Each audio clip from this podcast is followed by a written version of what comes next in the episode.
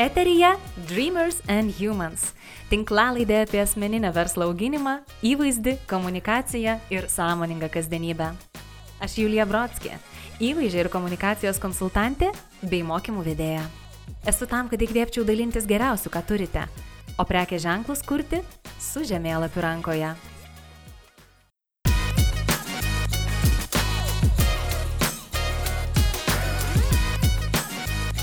Sveiki! Dėkoju, kad įsijungite šią tinklalaidę. Esu tikra, kad galėtumėte daryti begalės kitų dalykų, tad man itin džiugu, kad prisijungėte. Ir iš karto turiu Jums klausimų. Ar kada nors baiminotės, jog kiti supras, kad nesate pakankamai kompetitingi ir gabūs? Kad visi sužinos, jog darbinėje sferoje esate apsimetelis? Ar jautėte, kad atsidūrėte ten, kur būti visai nesate vertas, nes patekote dėl sėkmės ir sutapimų? O galbūt buvo taip, jog savo pasiekimus stengiatės sumenkinti, priskirdami juos eiliniams atsitiktinumams. Šie ir daugelis kitų požymių, būdingi net 70 procentų planetos gyventojų, kurie nepaisant savo išsilavinimo, gabumų, talentų ir įdirbio, jaučiasi imposteriais arba apsimetėliais. Imposterio, apsimetelio sindromą galima apibūdinti kaip visumą jausmų, persekiojančių nepaisant akivaizdžios sėkmės. Imposteriai kenčia nuo chroniškos abejonės savimi, apgaulės jausmo, stipresnio už bet kokius sėkmės įrodymus ar akivaizdžią kompetenciją. Jiems vis atrodo, kad jiems tiesiog pasisekė, nuskilo. Jie patys nesupranta, kaip padarė vieną arba kitą dalyką. Ir iš to seka savęs nuvertinimas.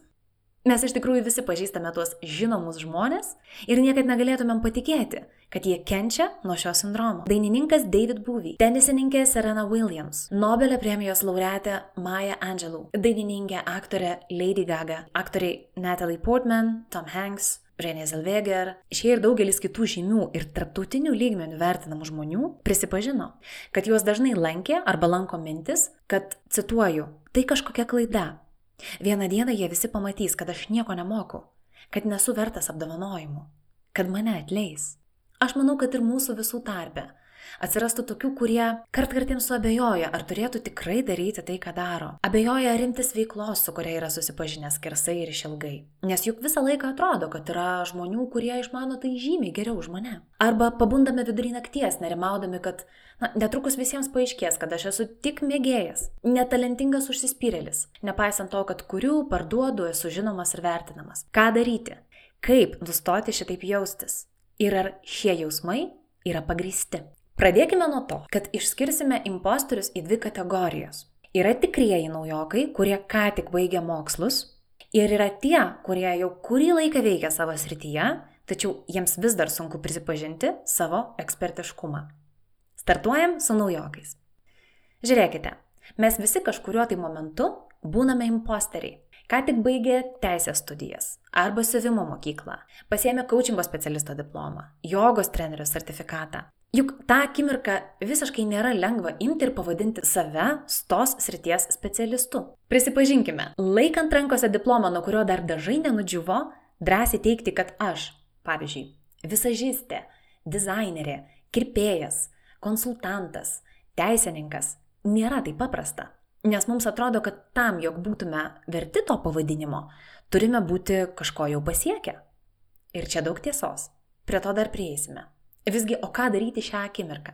Suvokime, kad šiame etape mes turime būti nuoširdus patys su savimi ir sąžiningi su kitais. Privalome sąžiningai ir tiesiai sakyti potencialiems arba esamiems klientams. Taip, aš esu grafikos dizaineris.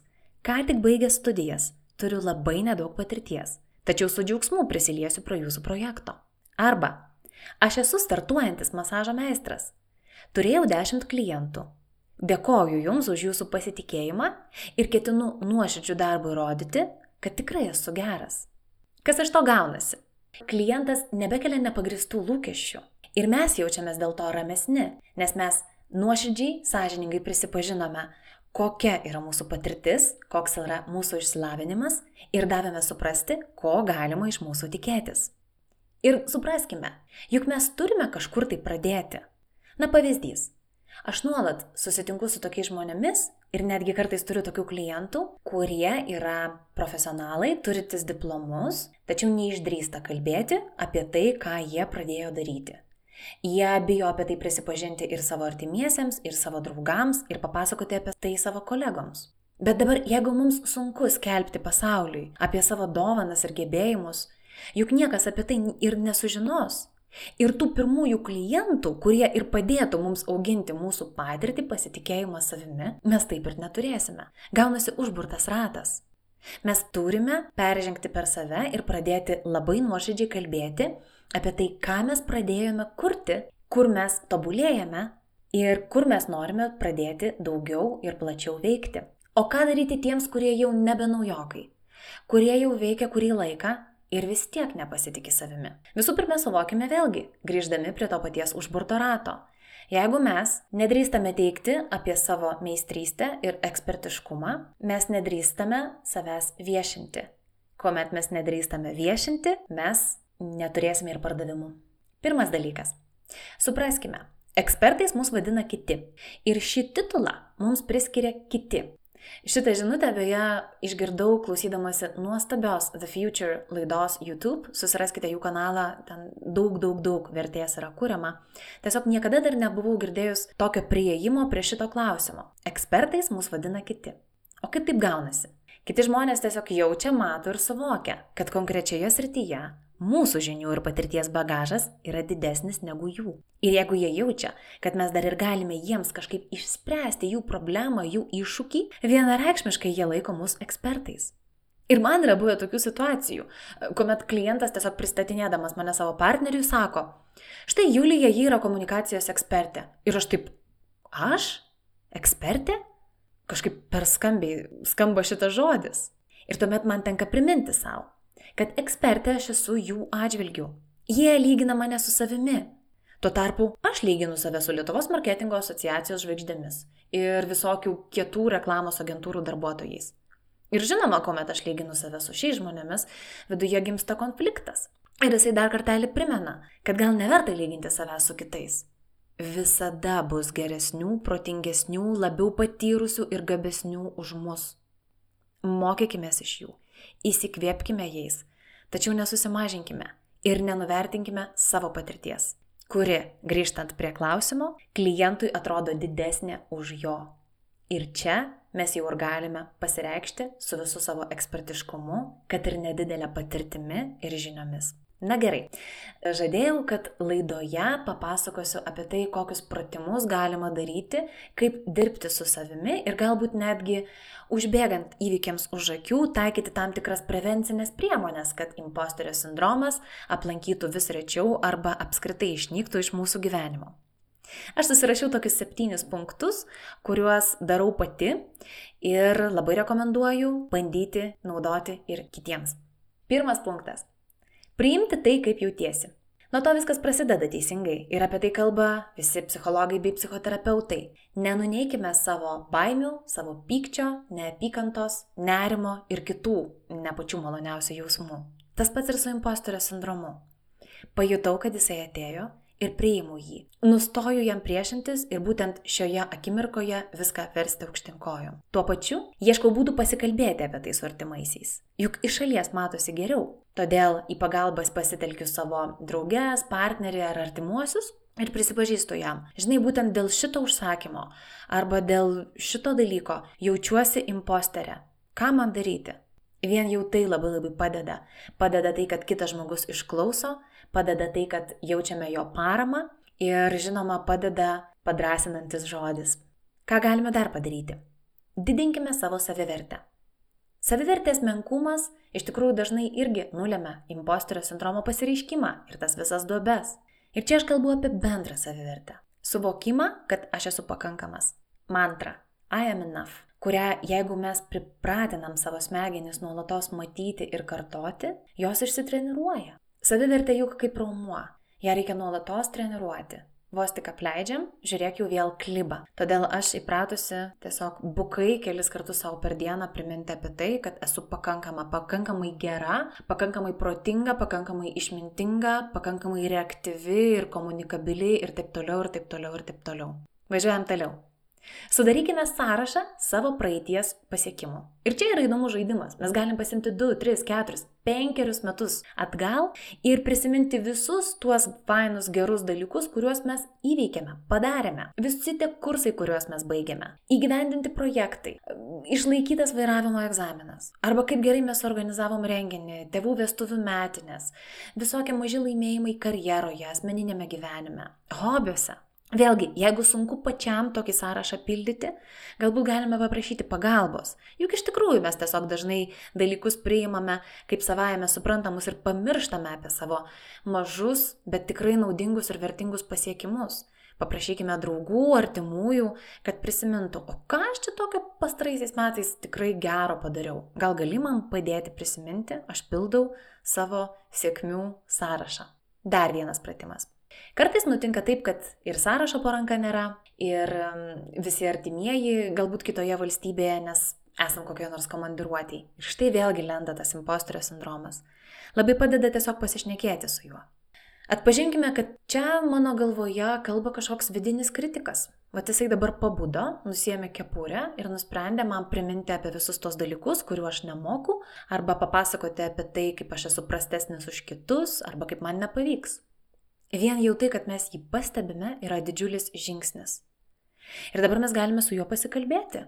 Mums nebūtina ant jo pykti, bet mes galime užmėgsti šiokį tokį dialogą ir su dėkingumu pasižiūrėti šitą kritiką. Aha, nuo kogi tu, kritikė, bandai mane šį kartą apsaugoti? Vėlgi, galbūt nuo kažkokių nemalonių emocijų, pralaimėjimų arba susimovimų bei klaidų. Man padeda tai, kad tiesiog pastebiu jį, padėkoju ir kartais jisai nutyla visam laikui. Dar vienas punktas. Man patinka idėja, kad rašytojas, fotografas, dizaineris, specialistas yra ne identitetas, ne profesija, o įgūdžiai. Mums nebūtina suvokti savęs kaip profesijos atstovo. Galima laikyti save tiesiog įgūdžių puokštę. Ir tai labai išlaisvina. Na ir liko dar du punktai, kurie tikriausiai yra mano patys mėgstamiausi. Nustokime kažkam kažką įrodinėti visiems bus naudingiausia, kai mes tiesiog darysime tai, ką mokame ir kursime vertę kitiems. Čia geras pavyzdys galėtų būti socialinių tinklų naudojimas. Filmuojame, rašome naudingus edukacinius įrašus, dalinamės žiniomis ir patarimais, tobulėjame patys, duodame naudos ir kitiems. Tai pasitarnaus mums visiems ilgajame laikotarpyje. Ir paskutinis - mokykimės.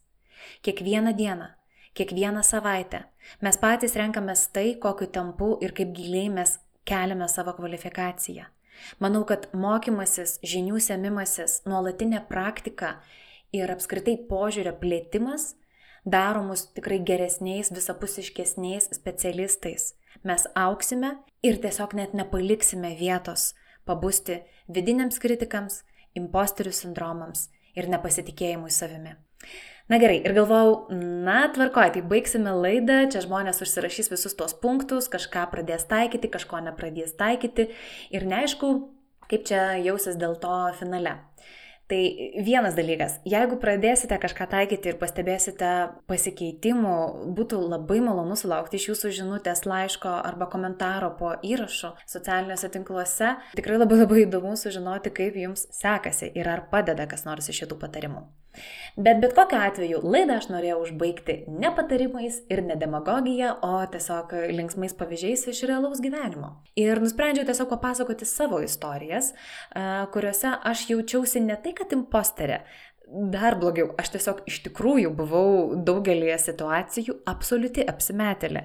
Ir aš tiesiog labai tikiuosi, kad galbūt šios istorijos padės jums, tiems, kurie esate diplomuoti, turite patirties arba esate pakeiliui į kažkokių kursų, mokslų išsilaikymą, patikėti, kad jūs su savo diplomais esate tikrai geresnėje pozicijoje, negu aš buvau tam tikrai savo gyvenimo laikotarpiais.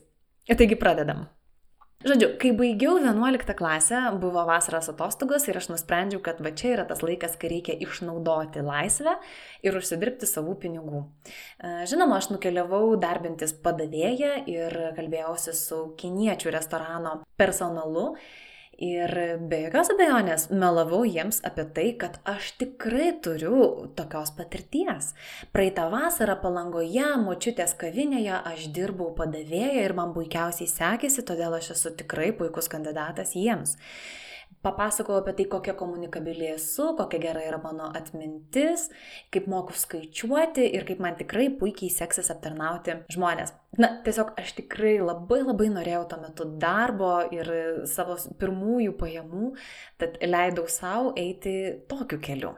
Net neįsivaizduoju kaip, tačiau vienoje darbovietėje mane paaukštino pareigose. Ir iš kliento aptarnavimo specialistės aš tapau pardavimų vadybininkė. Ką man reikėjo daryti? Man reikėjo nuolat eiti pas aukščiausius įmonių vadovus ir siūlyti jiems mūsų korporatyvinį produktą. Tuometinis mano vadovas galvojo, kad aš turiu pardavimų patirties ir tiesiog užsimerkęs leido man atlikinėti šitas užduotis.